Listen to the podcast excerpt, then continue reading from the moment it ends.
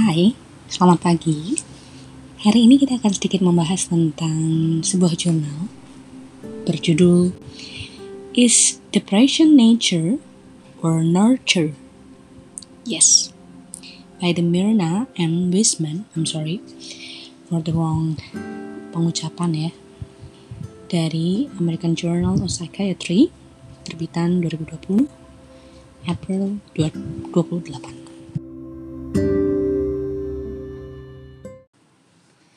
Jadi sebagai catatan yang hari ini kita bahas itu sebenarnya bukan artikel jurnalnya, tapi justru bagian dari editorialnya. Ditulis oleh editornya namanya Mirna M. Wiseman PhD yang tadi udah disebutkan ya.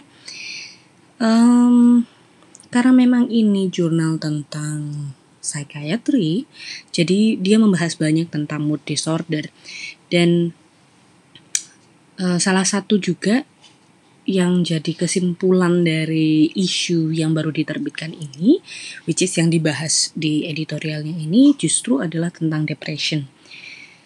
Dari judulnya sendiri sebenarnya dia mencetuskan mengenai is depression nature or nurture? Dan udah dijawab langsung dengan kata-kata yes, which is uh, pretty apa ya gampang ya vagu gitu ya vague apa sih tulisannya vague itu ya? Ya Um, okay, uh, I'll try to read the first paragraph. I've increasingly felt that the correct answer to the question is depression nature or nurture is yes.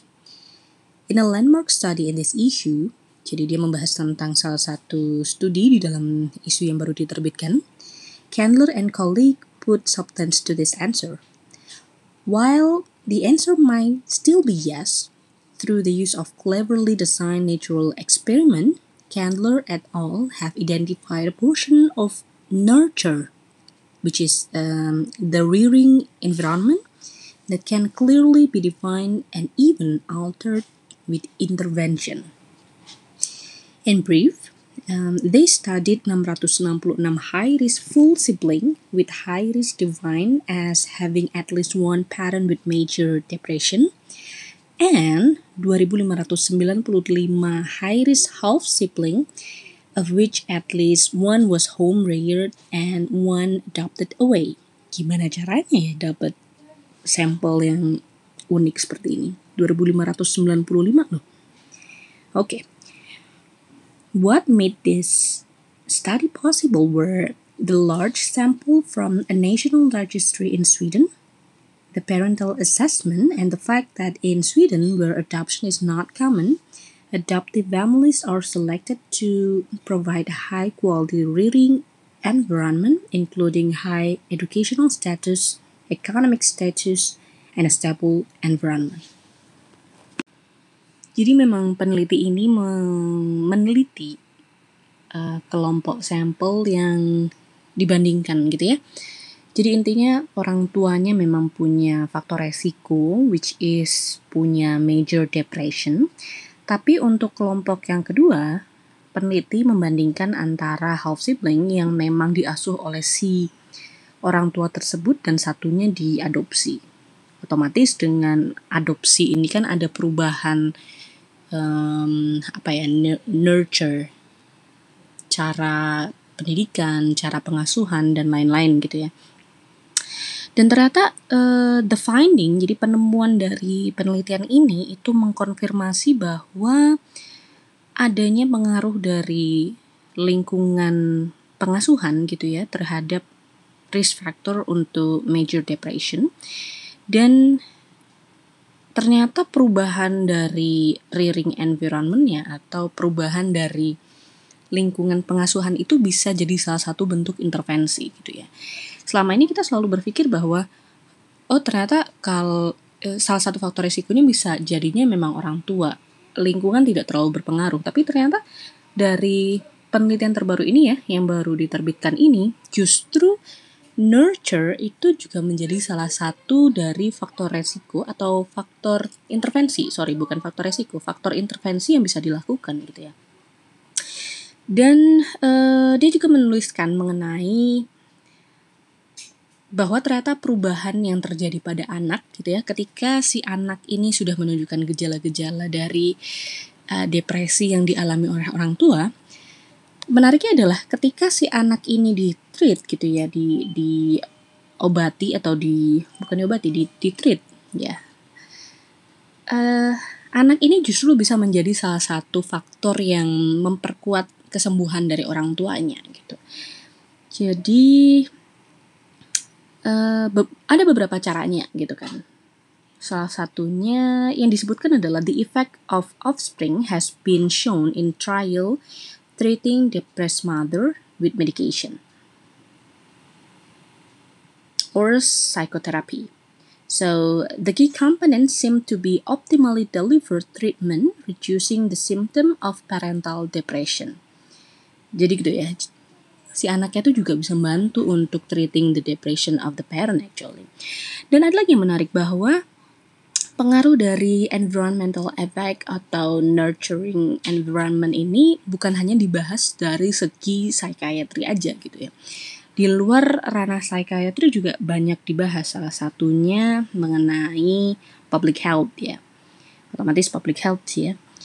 Nah, di sini itu direkomendasikan bahwa clinician in everyday practice talk to parent and caretaker about creating safe, stable, nurturing environment and protective relationship and reinforcing positive parenting technique and coping skill in a routine clinical visit. Jadi memang mungkin di sini dia menguatkan anggapan bahwa environment dalam hal ini adalah gaya pengasuhan itu punya beragam macam efek gitu ya. Dan itu juga menjadi salah satu faktor yang cukup besar dalam major diseases such as major depression and also any clinical setting. Saya pribadi juga akhirnya bertanya-tanya ya. Tadi sempat disebutkan bahwa nurturing atau teknik pengasuhan itu juga bisa jadi salah satu intervensi tapi apakah itu bisa seterusnya dilakukan gitu?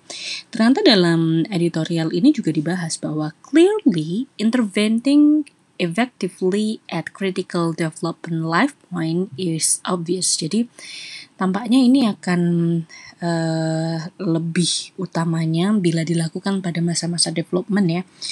Seperti itu. Jadi sedikit menyimpulkan di akhir tulisannya bahwa The answer remain yes. Depression is nature and also nurture and the rel and the relative proportion. Jadi proporsinya memang uh, relatif ya, tidak belum ada yang berani untuk menyebutkan bahwa nature-nya atau mungkin secara genetiknya itu lebih important atau seperti uh, atau sejenisnya gitu ya. Tapi for which type of depression are still under study. So um, this is unexpected actually. Tadi uh, membaca apa ya? Judulnya sangat menarik gitu kan. Saya kira ini adalah sebuah jurnal, ternyata ini adalah sebuah editorial dan mungkin meng-highlight kali ya.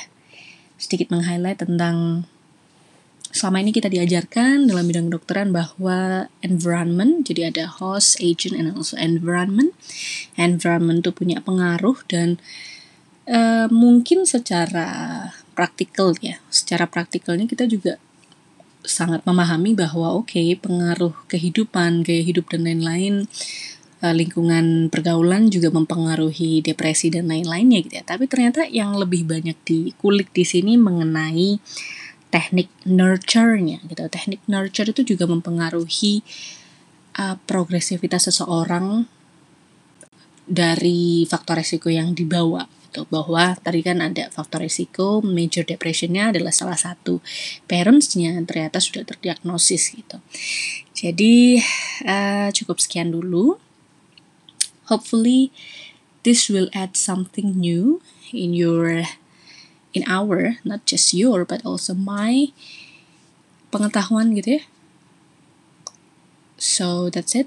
I guess we're gonna meet tomorrow with another topic kita coba lihat yang paling baru keluar apa that will be according to my preference. So stay tuned and see you tomorrow.